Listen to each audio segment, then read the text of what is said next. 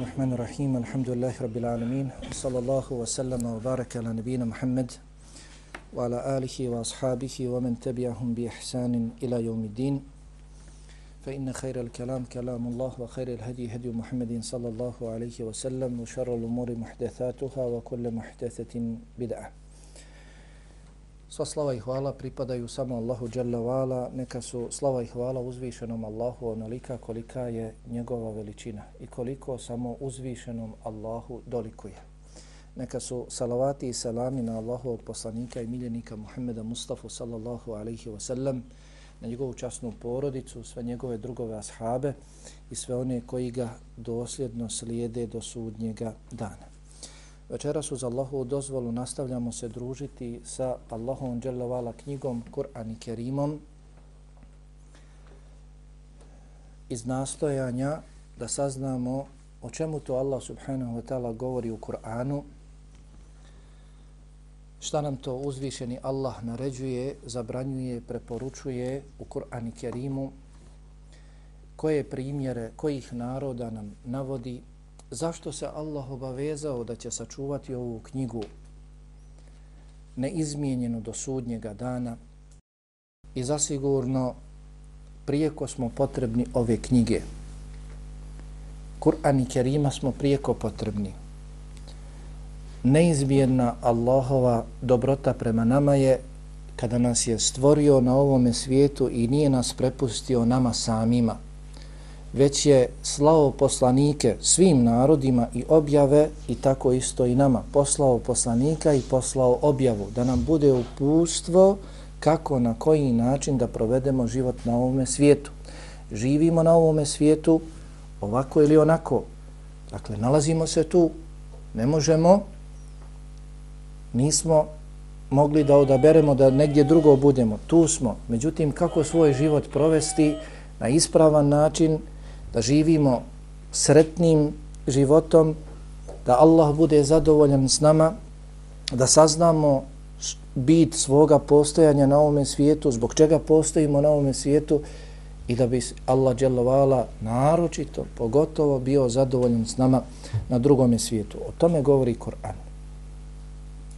O tome govori Kur'an. Kur'an nije objavljen, nažalost, kako se to danas dobrim dijelom shvata i prihvata da je ponajviše objavljen za mrtve. Da se Kur'an najviše koristi u te svrhe da se uči mrtvima. Kur'an je objavljen za žive. Da živi ga uče, izučavaju, proučavaju, da iz Allahu i Đalavala riječi izvlače poruke i pouke, zaključke, da uviđaju Allahove naredbe, zabrane i da svoj život usklade po tome. I Allah na mnogo, mnogo mjesta u Kur'an i Kerimu obećava da onaj koji tako bude postupao, da će ga Allah učiniti gornjim, da će ga, da će ga Allah učiniti slavnim. Na mnogo mjesta. I zbog toga kažem, najveći dio predavanja, najveći broj predavanja, obraćanja ovdje ili onde, naročito po džamijama gdje se ljudi okupljaju u većem broju, treba da bude iz Allahove knjige. Iz Kur'ana Kerima. Nećemo naći boljih savjeta, smjernica, istinitih od Allahovih. Ovo je Allah objavio radi nas. Ne radi koga drugog. Samo ovdje, Allah dželovala na početku, je tako dobro nam poznato, kažu naši stari Elif Lamim, prvih pet ajeta zovu se Alif Lamim sure El Bekare. Odmah na početku sure El Bekare Allah kaže da u cijeloj ovoj knjizi nema nimalo sumnje, sva je istinita. Sva je istinita. Allah to nije objavio radi nekoga drugog, radi nas. Ovdje se nalaze savjeti smjernice upuste radi nas. Ništa što god je Allah rekao, spomenuo u Kur'anu, nije besmisleno, sve ima svoj smisao, sve ima svoj cilj. I zbog toga trebamo se najviše posvetiti učenju, izučavanju, proučavanju Allahove knjige i svakako radu, radu po tome. Prošli puta ko je bio prisutan, prošle nedjelje, bilo je govora o suri Et-Tekathur. Večeras, ako Bog da govorimo o suri prije nje, El-Qarija. Krenuli smo dakle od sure Nas. Mnogo tih predavanja ima zabilježeno kod brata Jasmina ko želi neka se vrati i dobro je. Dobro, lijepo, zgodno bi bilo da se vrati na ova predavanja i na bilo čija druga predavanja koja govore o Allahovoj knjizi. To nam je najpreće predavanje. Allahova knjiga, zatim sunnet Allahovog poslanika, alaihi salacom, komentar njegovih riječi, Allahova lijepa imena i uzvišena svojstva, to su nam najpreća predavanja, a pogotovo Allahova knjiga. Iz Allahove knjige saznajemo sve. Saznajemo i o Allahu, i o Allahovim naredbama, zabranama, propisima iz akaida, iz fika i svega drugoga. Upoznajemo se s poslanikom Muhammedom alihi salatu wasalam. Ima sura koje su cijele objavljene povodom njega, radi njega. U cijelosti govore o njemu. Pa nam je dakle Allahova knjiga zasigurno naj, najpreća. Zašto smo uzeli amme džuz? Rekao sam na početku, zato što se u ovom džuzu amme Allah dželavala najviše direktno obraća čovjeku. Pita čovjeka, zapitkuje čovjeka, navodi čovjeka direktno da razmišlja, da se priprema, najviše govori o sudnjem danu. I poznato je, uvijek sam govorio, ko želi da malo svoj iman očvrsne, da poveća, a svi smo toga potrebni, možda i suvišno pitanje, ko želi, svi smo toga potrebni, neka čita zadnjih pet džuzeva, pogotovo zadnji džuz. Jer Allah dželavala tu najviše govori o svojoj svemoći, govori o svome stvaranju, govori o stvaranju stvorenja, govori o džennetu i džehennamu. A zatim to su i najkraće sure koje mi počesto pamtimo, je tako? Znamo ih i učimo te sure u svojim namazima, pa je zgodno, lijepo, naprotiv potrebno da ono što učimo, jer kada stanemo na namaz, stajemo pred svoga gospodara. Ne stojimo pred ovim milionim, pa hajde svedno mi šta ću reći. Kako ću izgovoriti? Na šta se to odnosi? O čemu to govori? Stojimo pred Allahom dželavala. Šta misliš da odeš pred nekog načelnika ovog ili onog grada i govoriš mu govor kojeg ti ne razumiješ. Tražiš nešto od njega, govoriš mu i rukama i nogama. Hoćeš da to, da dođeš do svoje željene potrebe, međutim, ne znaš ni ti sam šta tražiš. Što kaže jedan brat bratu da ja sam sebi primam namaz, ne bi ga primio. Kakav sam u namazu? Da sam ja sebi primam, se kaže, ajde upiši od namaza koliko, koliko bi sebi dao, ne bi sebi dao ništa. Ne znam, nisam uopšte prisutan u namazu. Ono što najviše pomaže nam da smo prisutni u namazu jeste da koliko toliko znamo, poznajemo značenje prijevod onoga, makar prijevod onoga, onoga što učimo. Pa zbog toga, jeli, i zbog toga e, družimo se sa ovim surama u džuzu amme. Dakle, sura El-Qarija, Allah dželle kaže nakon što je ovu suru odvojio od prethodne sure El Adiyat sa bismilnom Bismillah je kao što vam je poznato, je tako zaseban ajet, ne ulazi u sastav ni jedne od kuranskih sura, već je zasebni ajet kojeg je Allah objavio da bi njime razdvojio jednu suru od druge. Kako kaže Ibn Abbas radijallahu anhuma. Pa nakon Bismille s kojom je odvojio suru El Qariah od sure Al-Adiyat kaže Allah Jalla wa'ala Al-Qariyah mal-Qariyah wama adraka mal-Qariyah yawma yakunu an-nasu kal-farash al-mabthuth wa takunu al-jibalu kal-'ihni al-manfush fa amma man thaqulat mawazinuhu فهو في عيشة راضية وأما من خفت موازينه فأمه هاوية وما أدراك ما هي نار حامية Otprilike prijevod kako stoji u postojećem prijevodu, pa ćemo vidjeti kroz komentar je li to baš tako.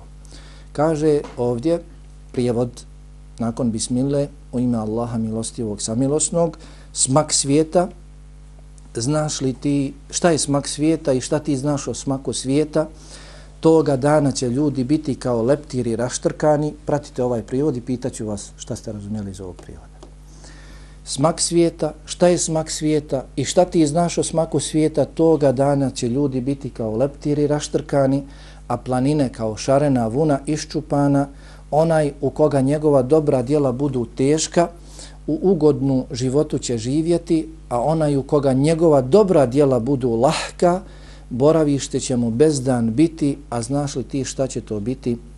Šta je taj bezdan? Vatra užarena. To je sura Al-Qarija. Od prilike možemo, ha? zaključiti da govori o sudnjem danu i govori o nekim prizorima, ali tako na sudnjem danu. Govori o dvijema skupinama na sudnjem danu, čija dijela budu teška, dobra dijela budu teška i čija dobra dijela budu lahka. Šta čeka jedne i šta čeka druge. Vidjet ćemo dakle kroz komentar.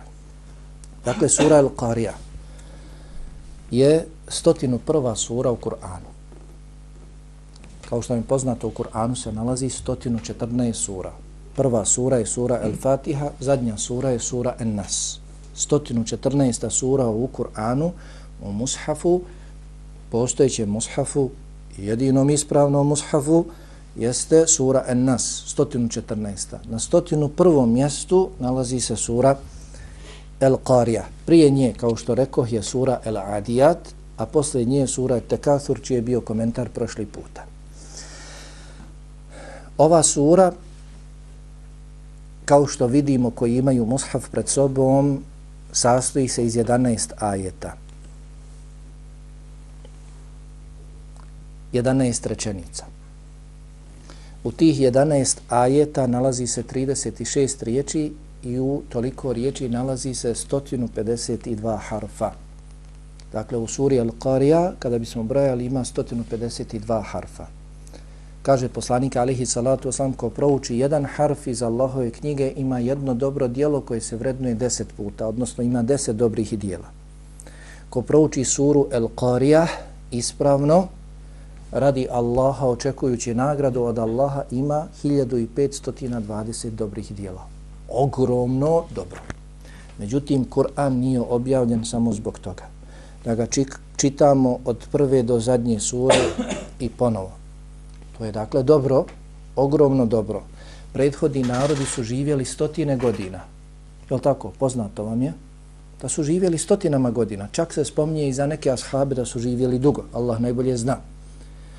Kasnije ummet Muhammeda sallallahu alaihi wa sallam ne živi mnogo ne doživljava dug životni vijek.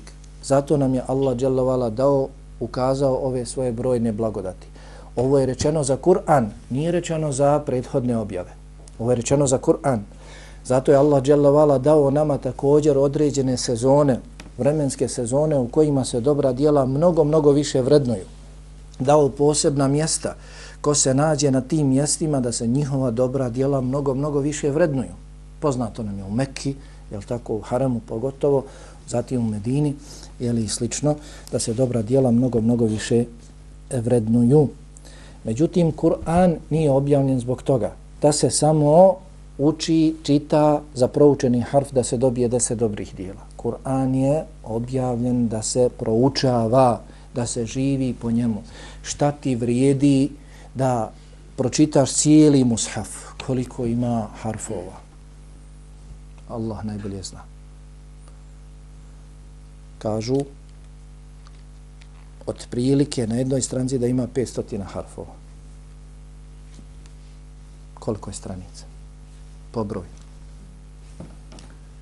Šta ti vrijedi, čitaš, čitaš, čitaš, a ne razumijevaš šta čitaš i ono što ti Allah zabranio radiš, ono što ti je naredio, ostavljaš nisi se upoznao sa opasnim grijesima koji ruše iz temelja sva dobra djela. Hej, pročitaš cijeli Kur'an. Allahu samo radi tebe. I podučio si se teđvidu. Izgovaraš svaki harf kako treba iz njegovog ishodišta. Tamo činiš neki grijeh. Opasan grijeh koji ti poruši sve. Kur'an jeste. Ogromna nagrada da se prouči ali dakle prvenstveno je efela yetedabbarun al-Qur'an. Zašto oni ne razmišljaju o Kur'anu? Da se razmišlja o Kur'anu. To je prvenstveno zbog čega je objavljen. Razmišljaš, izvlačiš pouku. Allah subhanahu wa ta'ala, evo sura Al-Qarija govori o sudnjem danu i posebnim prizorima na sudnjem danu. Zbog čega to Allah govori? Da nas obuzme strah, da nas je strah, da večeras ne mogu spavati, Allah nam govori o tome i drugim detaljima da se pripremamo za sudnji dan. Da se pripremamo, da ne budemo od one druge skupine koja će biti u bezdanu, odnosno u džahnemskoj vatri. Kada nam Allah govori o prethodnim narodima i njihovom uništenju, zbog čega su uništeni, govori nam da se čuvamo, da, ne, da i mi ne upadnemo u taj grijeh pa da budemo prije ili kasnije uništeni ili da stradamo sutra na drugom svijetu. Treba dakle da uzimamo pouke iz Allaha i dželovala riječi. Dakle, 152 harfa. Malo sam zastao, rekao sam 11 ajta. To dakle nije jedinstveno mišljenje kod učenjaka i karija pogotovo. Kod učenjaka u Šamu i Basri sura El Karija ima 8 ajeta. Kod Karija i učenjaka Mekke i Medine ima deset, a kod učenjaka Kufe ima 11 ajeta. Razilaze se oko određenih ajeta, neko smatra jednim ajetom El Karija Mel Karija. Oma je drakem El Karija. Zatim e, neki spajaju pa kažu fa amma man ثَقُلَتْ mawazinuhu fa huwa fi 'ishati radiyah. Računaju to kao jedan ajet. Tako dakle da ima razilaženje. ali tako i uvijek kada čitate tamo navodi se koliko ima ajeta u Kur'anu, kažu otprilike 6000. Jel tako ajeta posle razilaze se zbog dakle ovih ovih jeli finesa, ovih ili sitnica. Ova sura se zove El Qarija. Vidite ovamo, jel tako stoji El Qarija. Dobila je naziv po istoj riječi spomenutoj u prvom ajetu. U prvom ajetu i stoji dakle riječ El Qarija i to je prvi ajet. Ta riječ predstavlja prvi ajet. Ja, ne znam šta je. Doće, da doće. El Qarija, znači, nemojte se plaho zanimati, vi prate. E, dobila je ime po ovoj riječi.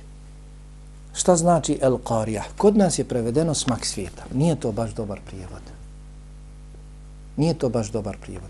Na mnogim mjestima kada dođe e, neka riječ koja govori o detalju na sudnjem danu, u našim mushafima se prevodi smak svijeta ili sudnji dan. Vi znate, jel tako, i u suri Al-Fatiha i u suri Al-Fatiha stoji sudnji dan. Je tako? Vladar sudnjeg dana. Kad se kaže sudnji dan, šta razumijete? Dan suda. Je tako? Dan suda. Ha? E, vladara dana sudnjeg. Evo ovdje se kaže smak svijeta. I na drugim mjestima ispravno je dakle da ove riječi el qarija, el tam, es saha i slično oslikavaju određene situacije na sudnjem danu. Jeste, govore općenito, odnose se na sudnji dan, ali posebno na određenu situaciju na sudnjem danu. Na poseban detalj na sudnjem danu. Kod nas je prevedeno smak svijeta. El qarija, riječ dolazi od glagola qara'a koji ima značenje ne znam kako bi to i preveo snažnog udarca, nešto što snažno lupi i sve pred sobom ruši, lomi, snažnog udara kao da bi sad neko ovdje dok mi sjedimo i ovako ovo niko ne priča, ja ušutim nešto snažno, jako, glasno klupilo. Udarlo. Čovjek bi se prepao. Ruši sve pred sobom. Zato se često za douha kaže karun li abuvabi sema. Snažno kucanje na nebeska vrata. Poznato je tako da između onoga koji dovi Allaha nema prepreke. Dova sve ruši razbija sve. Dolazi do Allaha subhanahu wa ta'ala, onaj kome učinjena nepravda. Dolazi do Allaha subhanahu wa ta'ala sigurno. I ovdje, dakle, El-Qarija ima, dakle, kada bi se prevelo, pokušalo što približnije prevesti, imalo bi značenje stravičan prizor. Na sunnjem danu. Ono od čega srca se prestrave,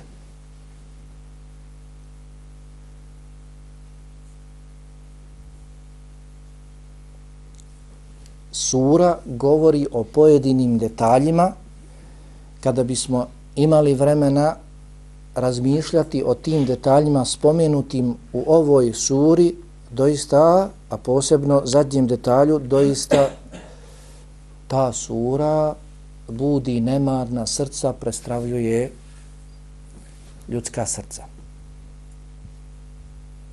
Zato je i dobila naziv El Qarija. Cilj ove sure je dakle da probudi nemarna srca. Sura Tekathur, jel tako, dolazi, bit će malo spomina, po, uvijek govorimo o povezanosti sura.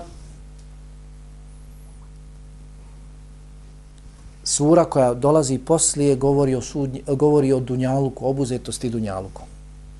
Ova sura El Qarija govori dakle o sudnjem danu i želi da probudi ta nemarna srca koja su se posvetila Dunjaluku.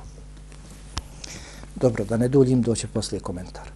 Znači, ima značenje onoga što budi, uznemirava ljudska srca. Mekanska je sura, slažu se svi komentatori. Kao što je poznato, postoje mekanske sure i medinske sure. Mnogo ima tih odrednica na osnovu čega se prepoznaje da je sura mekanska ili medinska. Glavna odrednica jeste da sve one sure koje su objavljene prije hijdžre Allahovog poslanika sallallahu alaihi wa sellem iz Mekke u Medinu su mekanske. Ma gdje bile objavljene? Poslanik alaihi salatu wa je izlazio iz Mekke, putovao. Nije uvijek bio u Mekke, objavljivali se kuranski ajeti. Ma gdje bili objavljeni ajeti sure prije hijdžre u Medinu uzimaju se kao mekanski ajeti mekanske sure. Sve što je objavljeno nakon hijđre poslanika alihi salatu sam iz Mekke u Medinu, dakle nakon 13 godina, smatra se medinskim ajetima, medinskim surama, ma gdje bilo objavljeno, makar to bilo i objavljeno na oprosnom hađu. Na refatu. Pa to se uzima kao medinski ajeti, medinske sure glavna odrednica jeste, dakle, hijra Allahovog poslanika alihi salatu. Pa dakle, svi se slažu da je sura El Qarija objavljena u mekanskom periodu prije hijre, pa je, dakle, i ona mekanska, mekanska sura. E, čuli ste, stotinu prva je sura. Po redoslijedu u postojećem jedino ispravnom, kad kažem, znate na koga misli ko kaže jel, da ovaj mushaf nije ispravan. Dakle, u postojećem mushafu na stotinu prvom mjestu je sura Al-Qarija. Međutim, po redoslijedu objave, po redoslijedu objave, je 30. sura. Po redoslijedu objave je 30. sura. Jel tako imamo suru En-Nas koja je zadnja u Kur'anu, a po redoslijedu objave je 21. sura. Dakle, sure nisu u mushafu smještene onako kako su objavljivanja. objavljivane, već su smještene po Allahu i Jalla naredbi. Zato mora da ima smisla, mora da postoji razlog zašto su smještene na tom i tom mjestu. I poznato nam je da nisu uvijek u cijelosti sure objavljivane u cijelosti. Dođe sura, ha, sura Al-Baqara, koliko se dugo objavljivala? 48 stranica ima. Međutim, ajeti sure El Bekare objavljen nekada, pa kroz par godina drugi objavljen neki ajeti sure El Bekare. Zašto je stavljen tu, tu? Mora da ima razlog, mora da ima smisla. Ima smisla. Dakle, sura El Qarija je 30. sura po redoslijedu objave. Objavljena je, kako kažu, nakon sure Kurejš, a prije sure Kijama. Objavljena je nakon sure Kurejš, dakle prije nje, 29. sura je sura Kureš po redoslijedu objave, a poslije el, sura El Qarija je objavljena sura El Qiyama koja je, je tako poznato nam je u prethodnom džuzu. Dobro, nema potrebe da govorimo o tematici, čuli smo otprilike o čemu govori. Zašto je smještena ovdje sura El Qarija? Objavljena je 30. Izvinite što ponavljam, ali et, da, da ostane u glavi objavljena je kao 30. po redoslijedu objave, a stavljena je na stotinu prvo mjesto. Koja je veza? Prije nje dolazi sura El Adiyat, a poslije nje dolazi sura Et Tekathur. I nama je bitno kako su poredane, smještene, nije nam bitno toliko kako je tekao redoslijed. Bitno nam je u Kur'anu, sada u Mushafu postojećem kako stoje. Sura El Adiyat, koji imate Mushaf pred sobom, završava. Sa ajetima Efela ja'lamu idha bu'thira ma fil qubur. Za čovjek ne zna da će oni ili sve što bude oživljeno iz svojih kaburova, dakle svi ljudi kada budu oživljeni iz svojih kaburova, wa husila ma fi sudur, i kada se dođe do onoga i što se nalazi u prsima, inna rabbahum bihim yawma idilla habir, da će tada, toga dana, njihov gospodar znati sve o njima. Biti podrobno obaviješten o svemu. Sura El Adiyat završava o tome. Na takav način. Za čovjek ne zna da kada će svi, kada ustanu iz svojih kaburova, kada ljudi budu proživljeni, ha, spominje se proživljenje tijela, je tako? Zatim se spominje وَحُسِّلَ مَا فِي sudur i kada e, proživljenje, to ćemo vidjeti svi, je tako? Vidiš kad čovjek ustaje. Zatim ono što je skriveno, Allah kaže ne samo da ćete izaći i doći, doći o mi sa onim što je skriveno, izvadit ćemo o čemu si razmišljao. وَحُسِّلَ مَا فِي sudur i kada se dođe i sa onim što se nalazilo u prsima, zato kaže inna rabbehum bihim yawmaydil la khabir doista toga dana njihov gospodar će o njima znati sve. Allah zna o nama sve uvijek. Ali se ovdje potencira na taj dan da ništa neće biti skriveno. I to je dan najveće pravde. Dakle, sura El Adiyat govori o proživljenju, odnosno govori o detaljima. Kada će se to desiti El Qarija? Kada se počnu dešavati stravični prizori veliki događaji, tada će doći do proživljenja, tada će doći do skupljanja ljudi, tada će doći do iznošenja vijesti, do vaganja, o čemu govori sura Lukarija. Pa se jasno uviđa veza, povezanost sure El Qarija sa prethodnom surom El Adiyat. Sura El Adiyat je također posebna sura. Allah Jalla u toj suri se zaklinje s posebnim stvorenjima. Čovjek Ja sam, čini mi se, vraćao se na tu suru u dosadašnjim predavanjima, ali eto, ne bi da duljim, ostavlj, ostavit ću to ako Bog da, ako nas Allah poživi, dadne zdravlja za sljedeći puta. Spominje zaklinjanja Allaha Jalla s konjima, čovjek, konjima, životinjama, ovdje nigde ne stoji konji. To se iz tefsira. Zato, dakle, malo u postojećem prijevodu ima, dakle, čovjek, nama je, ne zna svako arapski jezik, onaj koji ne zna arapski jezik, on bi da čita u prijevodu, da sazna što mu njegov gospodar poručuje, možda nekad ne bi mogao da shvati iz siromašne, siromašnog postojećeg jeli prijevoda. Zato su predavanja iz tefsira i tedebura, razmišljanja o Koranu i tekako bitna. Allah se zaklinje s posebnim stvarenjima, na poseban način za nešto posebno, ako Bog da o tome ćemo vidjeti. Dakle, jasna veza između sure Al-Qarija i sure i sure Al-Adiyat.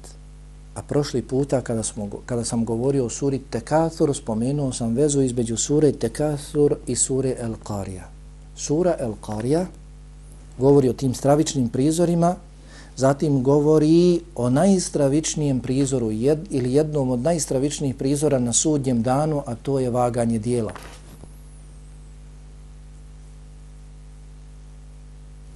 Primanje knjiga, vaganje dijela i prelazak preko sirata su najstravičniji prizori na sudnjem danu.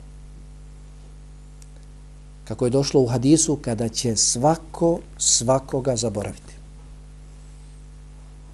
U koju ćeš ruku dobiti knjigu, to ti govori otprilike o tvome završetku. Desna ili lijeva.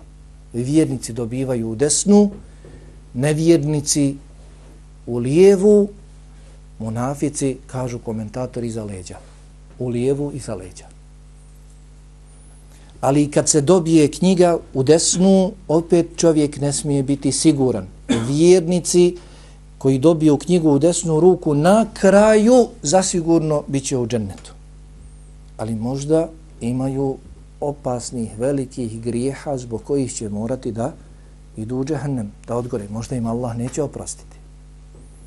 Pa nakon toga dolazi vaganje da se vidi kolika su to loša dijela, koliko su brojna sprem dobrih dijela. Pa opet će čovjek kada se budu vagala njegova dijela Neće biti siguran. Ima osnov, tevahid, ima dobri dijela, ima namaz, ali šta ako ovamo bude mnogo, mnogo loših dijela, mora za ta dijela odgovoriti ako mu Allah ne skine svage, ako mu Allah ne oprosti. I zatim zadnje preko sirata treba preći. A sirat je postavljen iznad džehennema. Sirat, kod nas stari kažu, sirat čuprija, tako? Govorilo se čuprija, sirat čuprija. To je sirat. Tamo je džennet, a dole je džehennem. I sirat koji je tanji od vlasi kose, tanji od dlake, oštriji od sablje i stavljen kroz tmine. I trebaš da pređeš preko njega. Svi vjernici moraju da pređu preko njega. I licemiri, munafici također.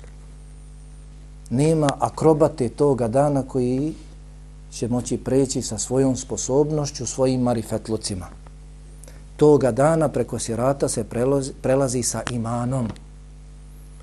Onakav kakav budeš imao ima na Dunjaluku, onako kako se brzo budeš na Dunjaluku odazivao Allah i naredbama, tako će brzo ići se preko sirata. Šta drugo? Prošli puta sam spomnjao munafike o kojima Allah dželovala govori u Kur'anu. Munafici nisu, imani, nisu imali imana. Tako? Oni su u svojim prsima, munafici, licemjeri, petokolonaži u svojim prsima kriju nevjerstvo, pokazuju iman. Govore riječi imana, ponekada znaju nešto i da udijele, klanjaju iz licemjerstva u svojim prsima, da nas Allah sačuva toga, kriju nevjerstvo. Dakle, nemaju osnove imana. Sutra kada krenu preko sirata, ugasit će se njihovo svjetlo. Svjetlo je osnova imana. Zatim dobra djela koja si imao, od toga raste tvoje svjetlo. Oni će krenuti i nemaju svjetla. Pa će reći vjernicima, nakteb unzuruna, sačekajte nas. Naktebis minurikom, da se poslužimo vašim svjetlom, da licemjer stane iza vjernika. Kao što su i na Dunjalku krili se, ha, tu smo, negdje s vama, ha, klanjamo s vama, da, mislite da smo i mi, sačekajte nas da se poslužimo vašim nurom i kako sam prošli puta rekao, uvijek, i to je poznato, da se lice mjeri ismijavaju svjednicima, tako? Kad se osame, sjede, o tome nam govori hadis, o tome, o tome nam govori Kur'an, da se ismijavaju svjednicima. Kada su ono doista s svjednicima kada vide svoju korist hm, kod njih. A inače su, kaže, ne, ne, mi smo s vama. Inače su sa nevjernicima. Kada vide korist, onda su tu s svjednicima. Ismijavaju se stalno i htjeće do tog zadnjeg trenutka, do sirata, da se poigravaju s vjernicima, da se poslužimo. I ovo je zadnje. Ako pređemo preko sirata, gotovo je. Džennet je tamo.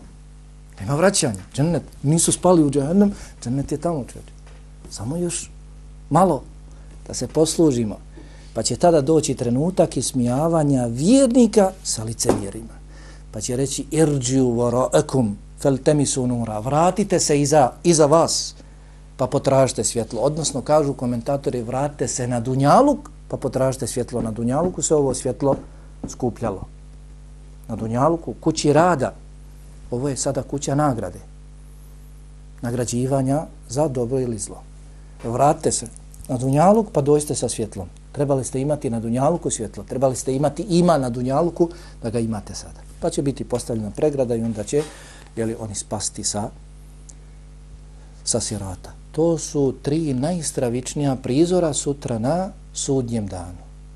O tome Allah dželle govori i završava suru El Qarija i završava sa dvijema skupinama i završava konkretno sa lošima, je li tako? Čija će dobra djela biti lahka na mizanu. Zbog čega su lahka? O tome govori sura Tekathur, sljedeća sura. Zbog čega će e, dobra dijela nevjernika biti lahka, zašto neće imati dobrih dijela ili velikih grešnika, zašto neće imati mnogo, o tome govori sura sljedeća, tekathur. Zato nimalo spomenuti postojići redoslijed nije besmislen. Sve ima svoj smisao. Svaka sura se veže za prethodnu i kasniju suru. Al-Hakum tekathur okupiralo vas je natjecanje u gomilanju. Surat Tekasur govori o tome. Zaokupirali ste se time, ostavili ste ahiret. natječete se na dunjaluku u gomilanju svega što vas odvraća od Allaha. Svega zbog čega zaboravljate Allaha. Sve dok ne posjetite svoje kabrove, dok ne umrete. Gotovo. Dakle, pa zbog toga je sura El Qarija smještena između sure El Adiyat i sure, sure Et Tekathur. Dakle, Allah Jalla Vala kaže, nakon Bismillah, kaže El Qarijah. El Qarijah. Prevedeno je smak svijeta, kako rekao, možda bliži prijevod, stravičan prizor na sudnjem danu. Ali kod nas se to mora sa više riječi pojasniti, slikovito je na arapskom jeziku. El Qarija. I pogledajte, dakle, kratak ajet, jedna riječ. Kao da ti neko baci i kaže El Qarija. Mel Qarija. Šta je ta El Qarija? Šta je to? Oma edrake. Allahu postavlja pitanje da bi povećao interesovanje.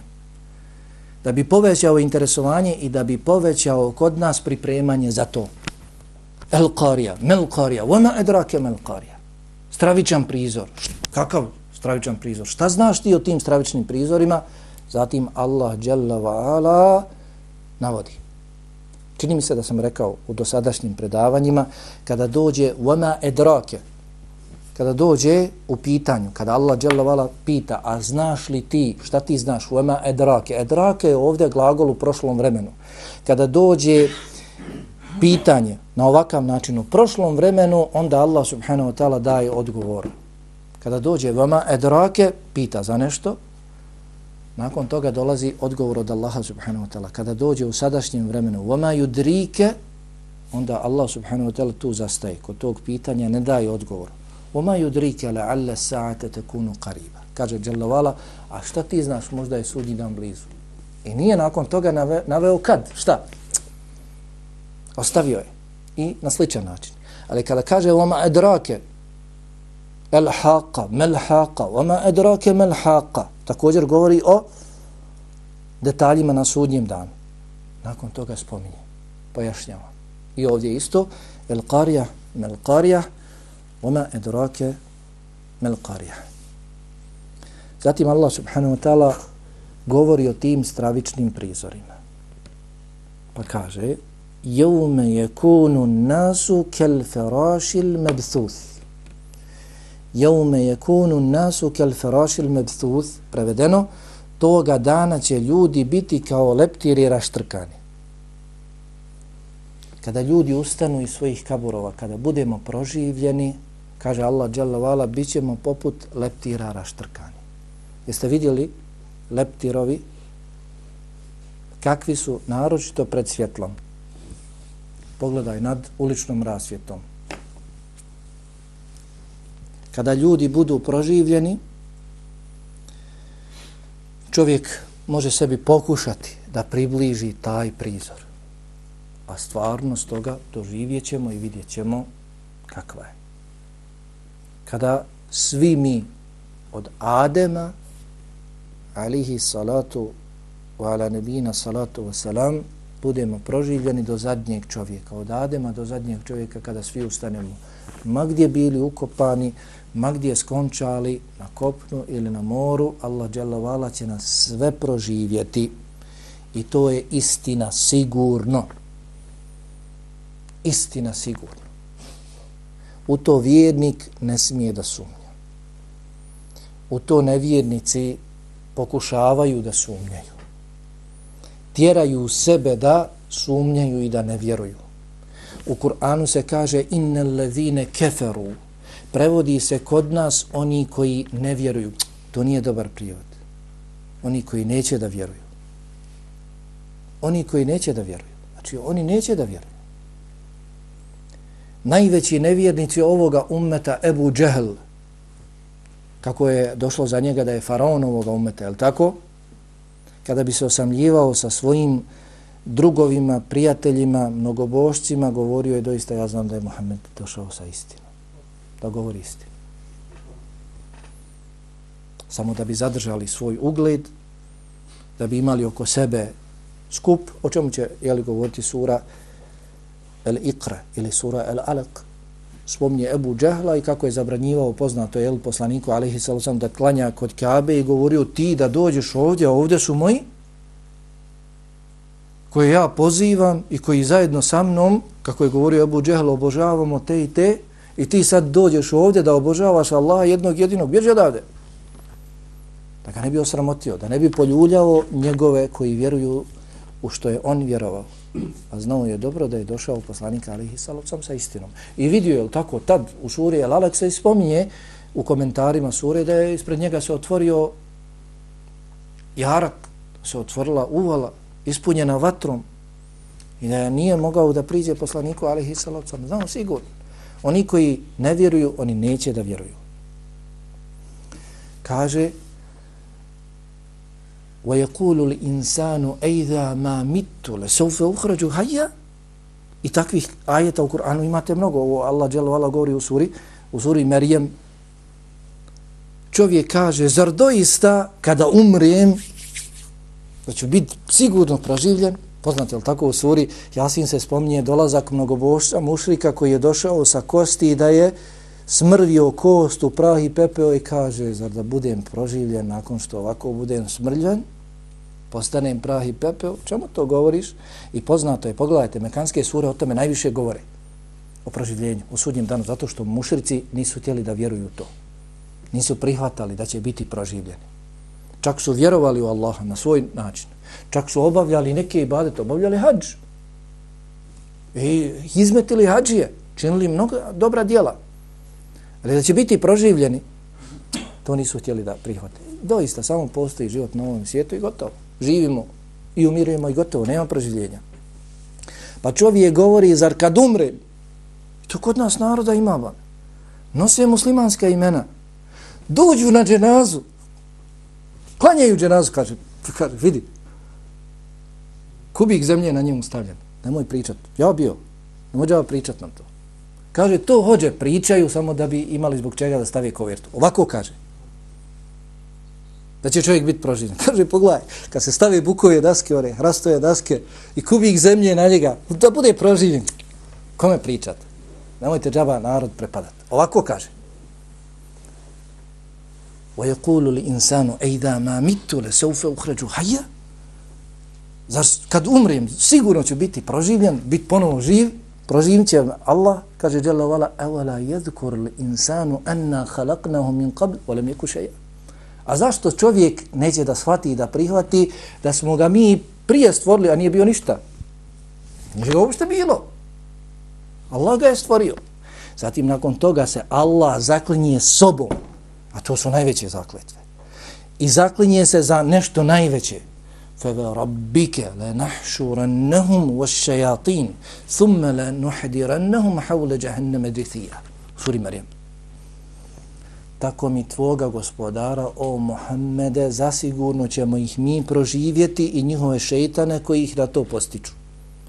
Zatim, samo ih proživjeti zbog takvog mišljenja, takvog njihovog ko biva vjerovanja thumme lenuhdirannahum hawla jahannam zatim ćemo ih dovesti do jahannama i staviti da kleče kod jahannama thumme lenunzi'anne min kulli šijatin ejuhum ešeddu ala rahmani tija. Zatim ćemo iz skupine sve jedne od njih uzeti one koji su se najviše inatili Allahu dželovala u džahnem.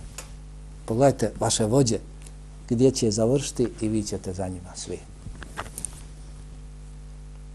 Kur'an je nešto najljepše. Je zasigurno čovjek gdje bi trebao najviše da provodi svoje vrijeme U suri Safat Allah dželle govori o jednom detalju, posebnom detalju. Kada sutra vjernici uđu u džennet, kao što slično govori i kada nevjernici uđu u džehennem. Kada vjernici uđu u džennet pa će razgovarati o životu na Dunjaluku, pa će jedan od njih reći ja sam imao druga koji nije vjerovao koji je imene pokušavao odvesti u nevjerovanje.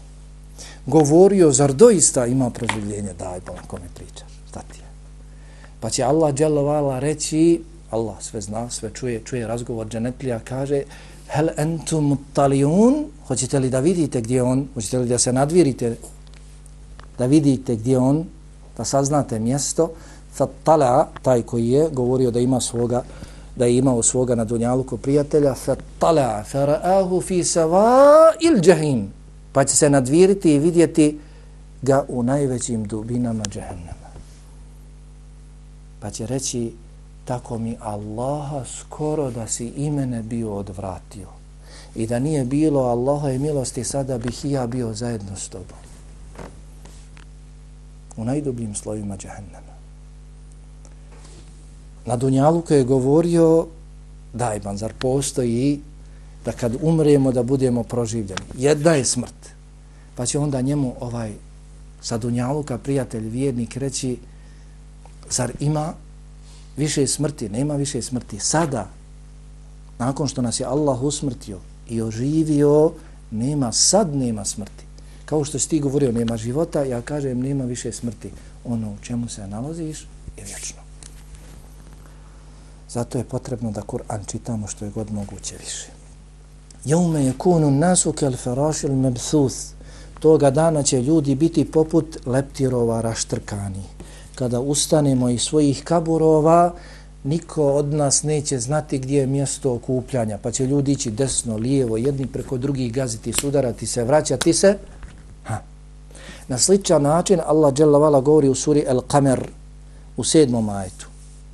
Kaže يخرجون من الأجداث كأنهم جراد منتشر u sedmom majetu sure Al-Qamer. Kaže Allah dželavala, ljudi kada budu ustajali iz svojih kaburova, hušane basaruhum, prije toga dolazi da će biti ukočenih pogleda. Nakon toga kaže, ke ennahum džaradun muntešir, izgledaće kao skakavci razasuti. Jeste pratili skakavce? Kako skakavci se kreću? Ha? Neodređeno. Sigurno neodređeno. Može li skakavac da ovako skoči? Ha? Spratio? Skakavac ovako skače. Ide pravo. Pa kažu komentatori, ajeti sure El Qarija govori o proživljenju. Kada ljudi ustanu iz svojih kaburova. Kada budu zaprepašteni, pogotovo nevjernici. Razilaze se komentatori da li se ovaj ajet odnosi posebno na nevjernike. Jer vjernici su vjerovali u proživljenje, vjerovali da će ih Allah proživjeti, zato će biti smireni. Čekat će da se pozovu gdje na koje mjesto da idu. Pa neki kažu da jeste, iako je upotrebljen izraz en nas, općenito, da se ovaj ajet posebno odnosi na nevjernike. On će biti zbunjen.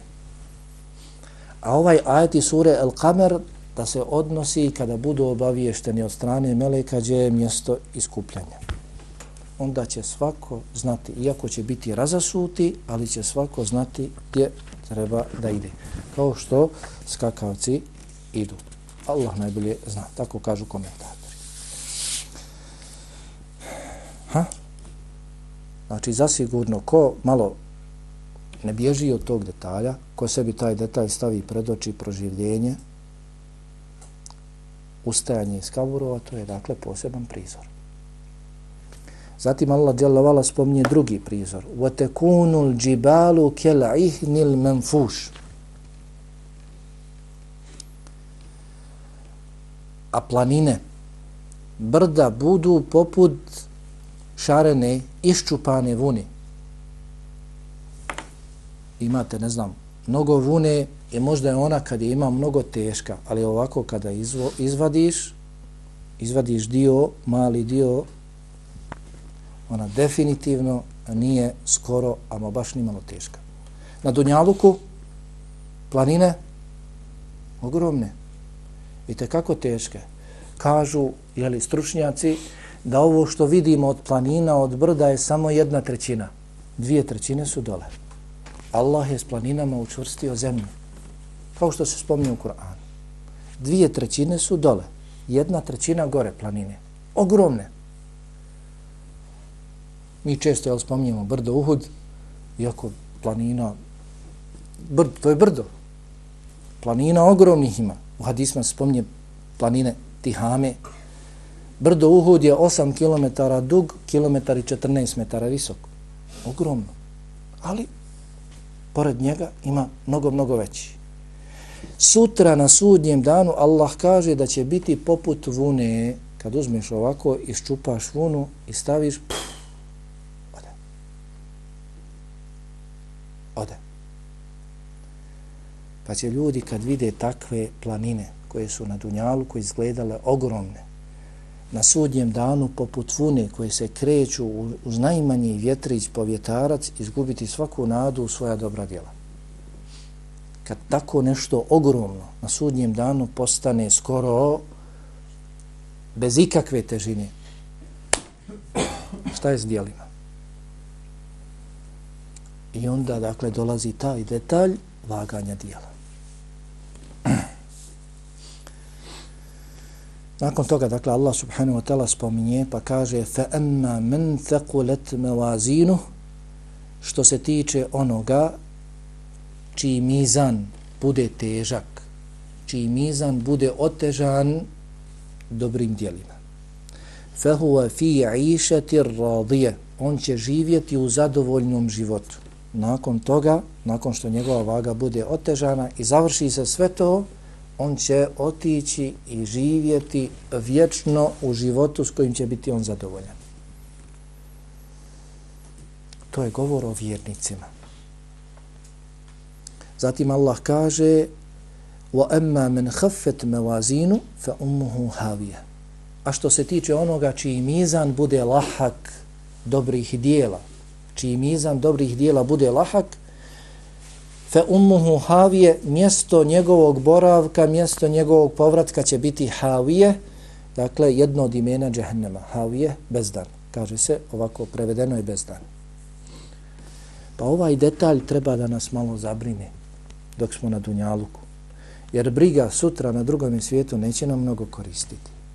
Sutra snebivanje, kajanje, plakanje na sudnjem danu neće čovjeku ni malo koristiti to će ti koristiti danas. Ovo Allah ne navodi džaba.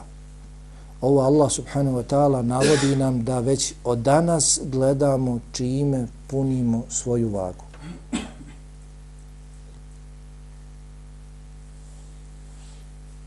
Kako je došlo u suri Hašr, čujemo tako taj ajd često.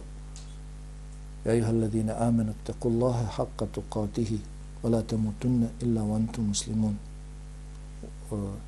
kaže wal tanzur nafsu ma qaddamat ligad neka svaka duša gleda šta šalje za sutra neka svaki čovjek gleda u svoja djela koja šalje za sutra to danas trebamo gledati danas trebamo posmatrati čime otežavamo ili olakšavamo svoju vagu fa amma men thaqulat mawazinu čija vaga bude teška treba da se upoznamo s dijelima koja su teška kod Allaha subhanahu wa ta'ala. Da se pozabavimo prvenstveno njima, svim drugim koja možemo raditi, ali pogotovo dakle ona za koja su došli, za koje su došli šerijatski tekstovi da su teška. Ima li neko dijelo koje znate da je teško na vagi? Kad spomeneš, hoću dokaz.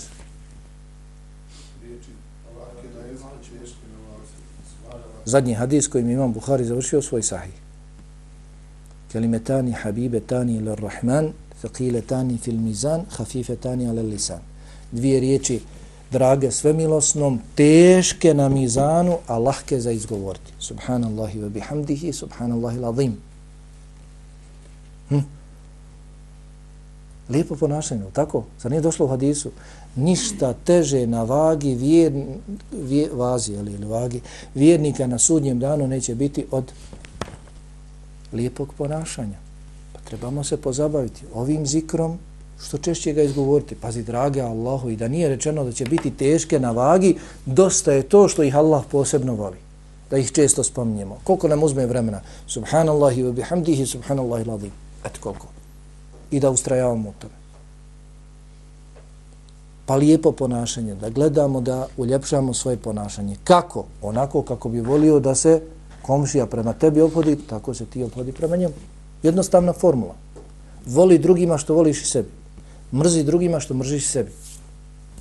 Ako hoćeš detaljnije, baš imaju hadisi koji su regulisali, definisali naš odnos prema svima.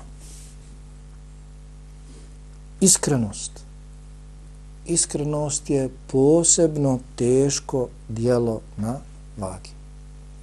Naprotiv, zbog te iskrenosti sva druga dijela postaju teška. I ako nema te iskrenosti, mogu sva dobra dijela da postanu lahka. Kao što je rekao Abdullah ibn Mubarak, rahimahullahu ta'ala, doista iskren nijet može da uveća malo dijelo da ono postane ogromno poput brda Uhud. Kako je došlo slično u hadisima. I doista neispravan nije može ogromna brda da pretvori u prah i pepeo. I poznati su nam hadisi. Čovjek koji je poginuo na Allahovom putu u borbi, čovjek koji je podijelio cijeli svoj metak u sadaku drugima da pomogne drugima i čovjek koji je proveo svoje vrijeme u sticanju znanja, šerijetskog znanja i podučavanju drugih. Prvi s kojima će se potpaliti džahnem. Ništa od toga nije bilo radi Allaha. Iskreno zakazalo. I ovo nije lahko. I to svi dobro znamo. Da se namjera čovjeku sad pa sad promijeni. I to ništa nije čudno. Naši prethodnici Selef su govorili, učenjaci iz generacije Tabina, Tabi Tabina su govorili, neprestano se borim s nijetom. Pobjedim šetana s ove strane, on mi dođe s ove strane. Hajde uljepšaj, hajde reći ovo, hajde šuti i slično. Poznato je li kad se zadiviš svojom pričom u šuti. Kad se zadiviš svojom šutnjom, progovori. Hm? Tako bi čovjek trebao da postupi. Ali kad, šta, Svi mi dobro znamo kako šeitan lahko priđe. Pa dakle, trebamo se upoznati s tim dijelima koja su teška na vagi. Ne živimo mi stotine godina, živimo 60, 70, 80 godina. Pitanje hoće li ko osvanuti kad zanoćimo, ne znamo. Allah nam uzima duše, kod buđenja nam vraća duše i to nas također podsjeća na ovaj sudnji dan i na proživljenje. Kome će Allah vratiti dušu, to je pitanje. Nemamo mi kad prohabavati, hajde može ovo, hajde može ono. Pazite, možda su ovo teške riječi krupne riječi. Nemamo kad onaj eh, raditi manje vrijedna djela, već se trebamo pozabaviti vrijednim djelima, daleko, daleko vrijednim, teškim djelima. Možda će neko reći, ljudi čini loša djela. Znači, čini uopšte dobra djela. Što nam sad ti govoriš, trebaš posebna djela. Nemojte se plaho osvrtati. Čuo si ajte i sure Safat šta okolina može uraditi od nas i gdje nas može odvesti ako se prepustimo njima. S tobom, sa mnom, petim ili desetim, niko u kabur neće leći.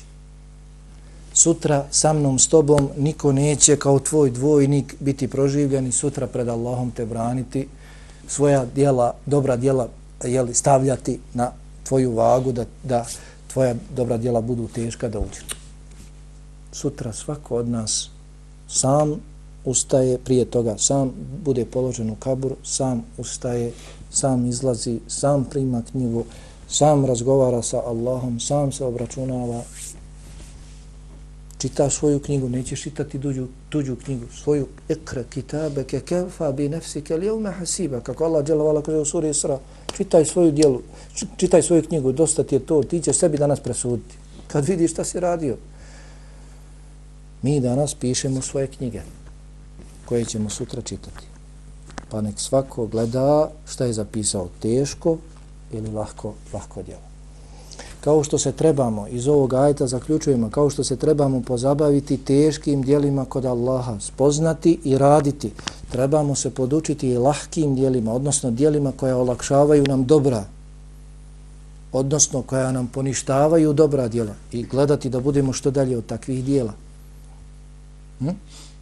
Na prvom mjestu širk, mnogoboštvo, nevjerstvo, licemjerstvo, pretvaranje, grijeh u osami,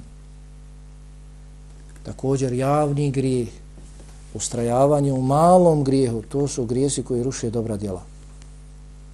Inna Allahe la yaghfiru an yushraka bihi. Jasno je rekao na dva mjesta u suri Nisa. Allah zasigurno neće oprostiti da mu se čini širk da mu se neko smatra ravnim. da mu se neko od stvorenja smatra ravnim. To Allah neće oprostiti ako se čovjek ne pokaje za to.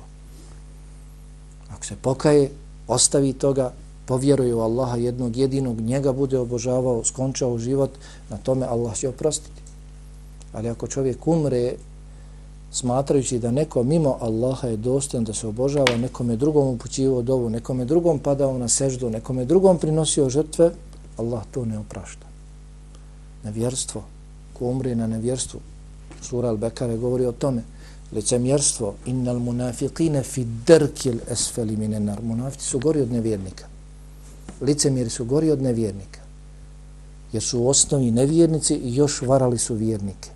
I nastojali da prevare jeli, vjernike i misli da varaju Allaha dželavala. Zatim grijeh osam, poznato nam je, tako?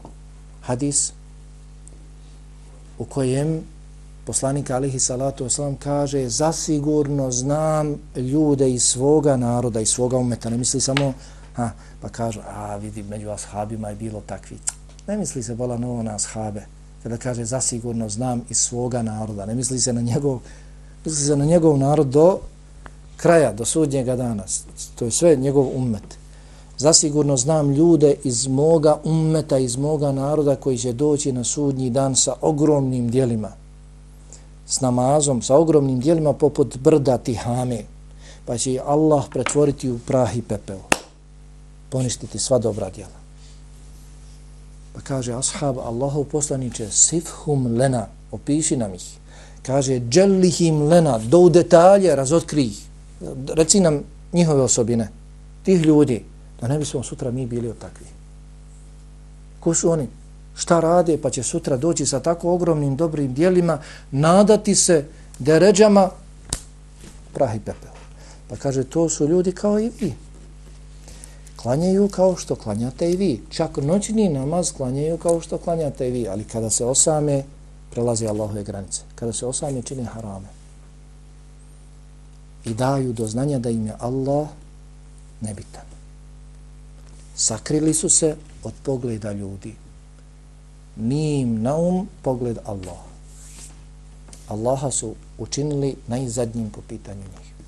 To ruši. Čuo si ogromna dobra djela. Zatim grijeh u javnosti kojim se postiče drugi na taj grijeh. Davanje do znanja svima da on uopšte to i ne smatra grijehom on to radi i druge postiče dijelo koje ruši dobra djela. Pa kao što rekao, kao što se trebamo upoznati s dobrim dijelima koja su teška na našoj, ako Bog da vagi, dobrih dijela sutra na sudnjem danu, isto tako čovjek se treba upoznati sa dijelima koja ruše dobra djela, koja, a bilo je ovdje, čini mi se, predavanje posebno i za jednu i za drugu temu. Mislim da kod jaske ima snimljen.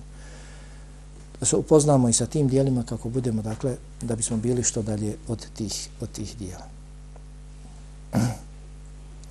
Dakle, što se tiče onoga koji bude imao mnogo, mnogo dobrih dijela, čija, teška, čija vaga bude teška, oni će, on će živjeti u zadovoljnom životu, a onaj čija dobra dijela budu lahka, čiji mizan bude lahak, fe ummuhu havije, fe ummuhu, ovdje je upotrebljen ovaj izraz fe ummuhu. Um u arapskom jeziku je termin koji se koristi za majku. Svi smo mi manje više ovi, pogotovo stariji, negdje putovali i ostavljali svoje roditelje. I možda duže vremena bili od njih.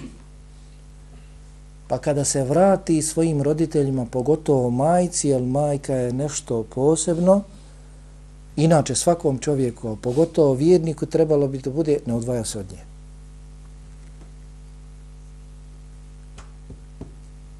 Pa ovaj koji je živio na Dunjaluku određeni period i živio kako je živio, kada se vrati u džehennem, neće se odvajati od njega. Nevjernik neće se odvajati od džehennema kao što čovjek kada dođe, sin kada dođe svojoj majci, nakon osustvovanja od nje, ne odvaja se od nje. Ovaj neće se odvajati od džahnema. Zato je upotrebljen termin fe ummuhu, njegova majka, odnosno ono od čega se neće odvajati. jeste havije. Spomenuto je, pre, prevedeno je kao bezdan. Dakle, ono u što će dugo, dugo, dugo, dugo, dugo, dugo padati dok ne dođe na dno. I spominje se u hadisima da je dubina džahennema 70 godina. Je li hadis poznat kada je poslanik alihi salatu wasalam sjedio sa svojim ashabima pa je čuo udarac. Upitao je ashabe, znate li šta je ovo? Rekli su Allah i njegov poslanik zna. Rekao je, to je kamen koji je prije 70 godina bačen u džehennem, sada je dospio na njegov dno. I to su hadisi i ovi kuranski ajti koji govore o tome da je da je džennet i džehennem, da su stvoreni. Da su oni stvoreni, da postoje sada. Oni su stvoreni. A ne dakle kako pojedini kažu da će Allah istvoriti na sudnjem danu kada se desi sudnji dan. Fa ummuhu havije njegova majka ili mjesto od kojeg se neće odvajati će biti havije, bezdan ili velika, velika dubina u džehennemu, no džehennema, vama edrake mahije. Slično Allah dželovala kaže, a znaš li ti kako je to mjesto? Da bi povećao interesovanje, da bi povećao brigu, da bi povećao nastojanje vjernika da se čuvaju takvog mjesta. Narun hamije. Užarena vatra. Narun hamije. Također jedno od imena kažu džehennema je hamije ili dakle opis džehennema hamije. Dakle užarena užarena vatra, ona koja jeli, prži, spali, sagori u potpunosti onoga koji bude bačen, bačen u nju. Pa dakle, iz ove sure možemo izvući nekoliko poruka i pouka. Dakle, ima govora, moglo bi se još govoriti, ali bojim se da sam je odužio. Za kraj, dakle, nekoliko poruka i pouka iz ove sure. Dakle, iz ove sure jasno vidimo potvrdu sudnjeg dana, potvrdu proživljenja, potvrdu vaganja dijela dženneta džehennema. Iz ove sure vidimo da će sudnji dan i tekako biti stravičan. Da će na sudnjem danu dešavati se stravični prizori.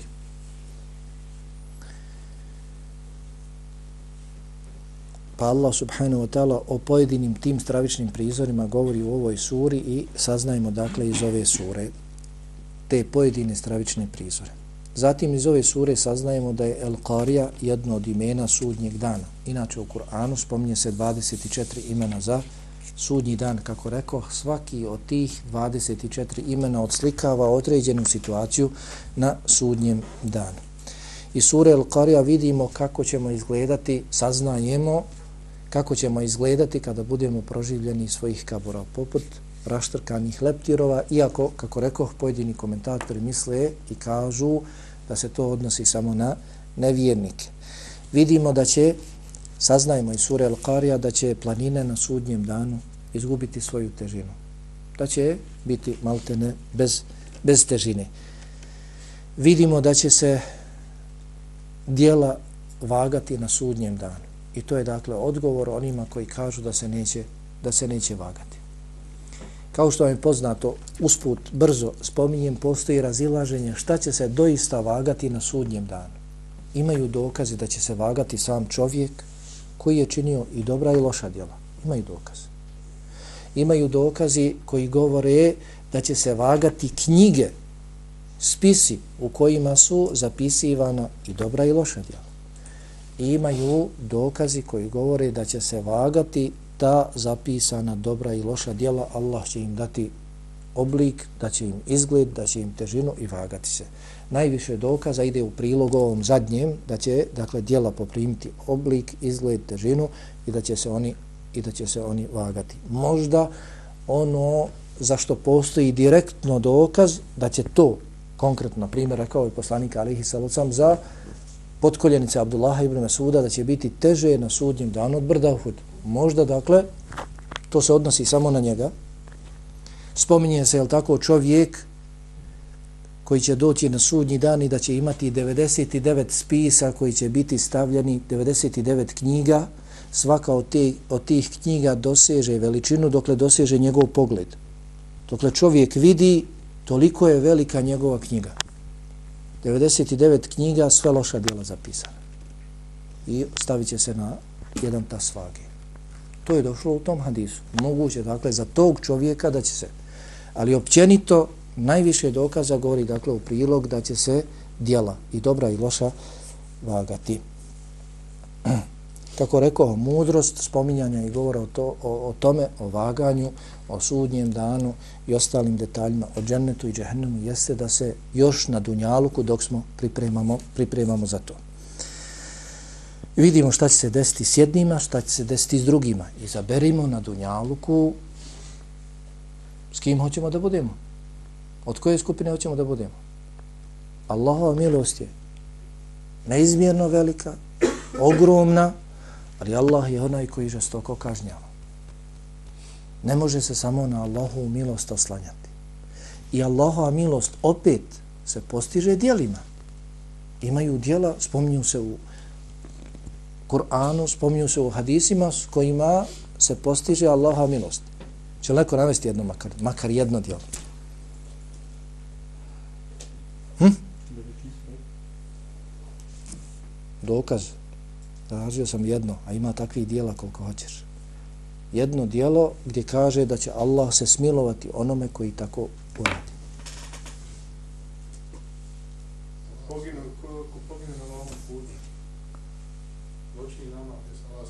Čekaj malo dokaz. Hoću tekst hadisa ili ajta, makar i u prijevodu. Ha? Što je, brate, sad? فإذا قرئ القرآن فاستمعوا له وأنصتوا لعلكم ترحمون آية kaže Allah kada se uči Kur'an vi šutite i razmišljajte onome što se uči pa će vam se milost ukazati Allaha milost je sa kako je došlo u hadisu sa džematom sa zajednicom a Allahova kazna je u odvajanju u suri Huđurat u desetom ajetu spominje se izmirenje. Fa aslihu bejne ahavajkum vattakullah la'allakum turhamun. Izmirite svoja dva zavađena brata i bojte se Allaha prilikom njihovog izmirenja. Nemojte prevagnuti na jednu stranu, već ih pravedno izmirite, pa će vam se milost ukazati. Izmirivanje zavađenih jedno je dijelo s kojima se postiže Allaha milost. Je mnogo takvi. Ustani. Jes. Jes. Jeste? I takvim dijelima se trebamo pozabaviti.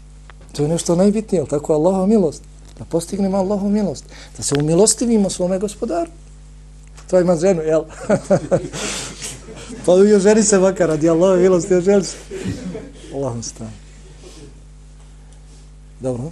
Dakle, vidimo šta će biti s jednima s drugima. Čija će dobra dijela biti teška, čija će dobra dijela biti lahka, šta je sa onima, šta će biti sa onima čija dobra dijela budu teška, šta će biti sa onima čija dobra dijela budu lahka. Vidimo potvrdu dženneta, vidimo potvrdu džehennema, pogotovo, dakle, određeni opis džehennema, njegove, njegove dubine, jeli.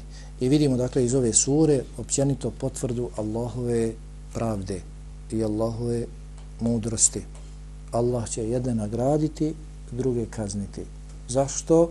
Na osnovu dijela. Imao si, ulazi, penji se, nisi imao, nemoj koriti nikoga drugog do sebe. Ko ima neko nešto da pita, bojo. Subhanak Allah, alhamdik, ašadu, la ilaha, ilan, testakur, kutubu, lijek. Oh,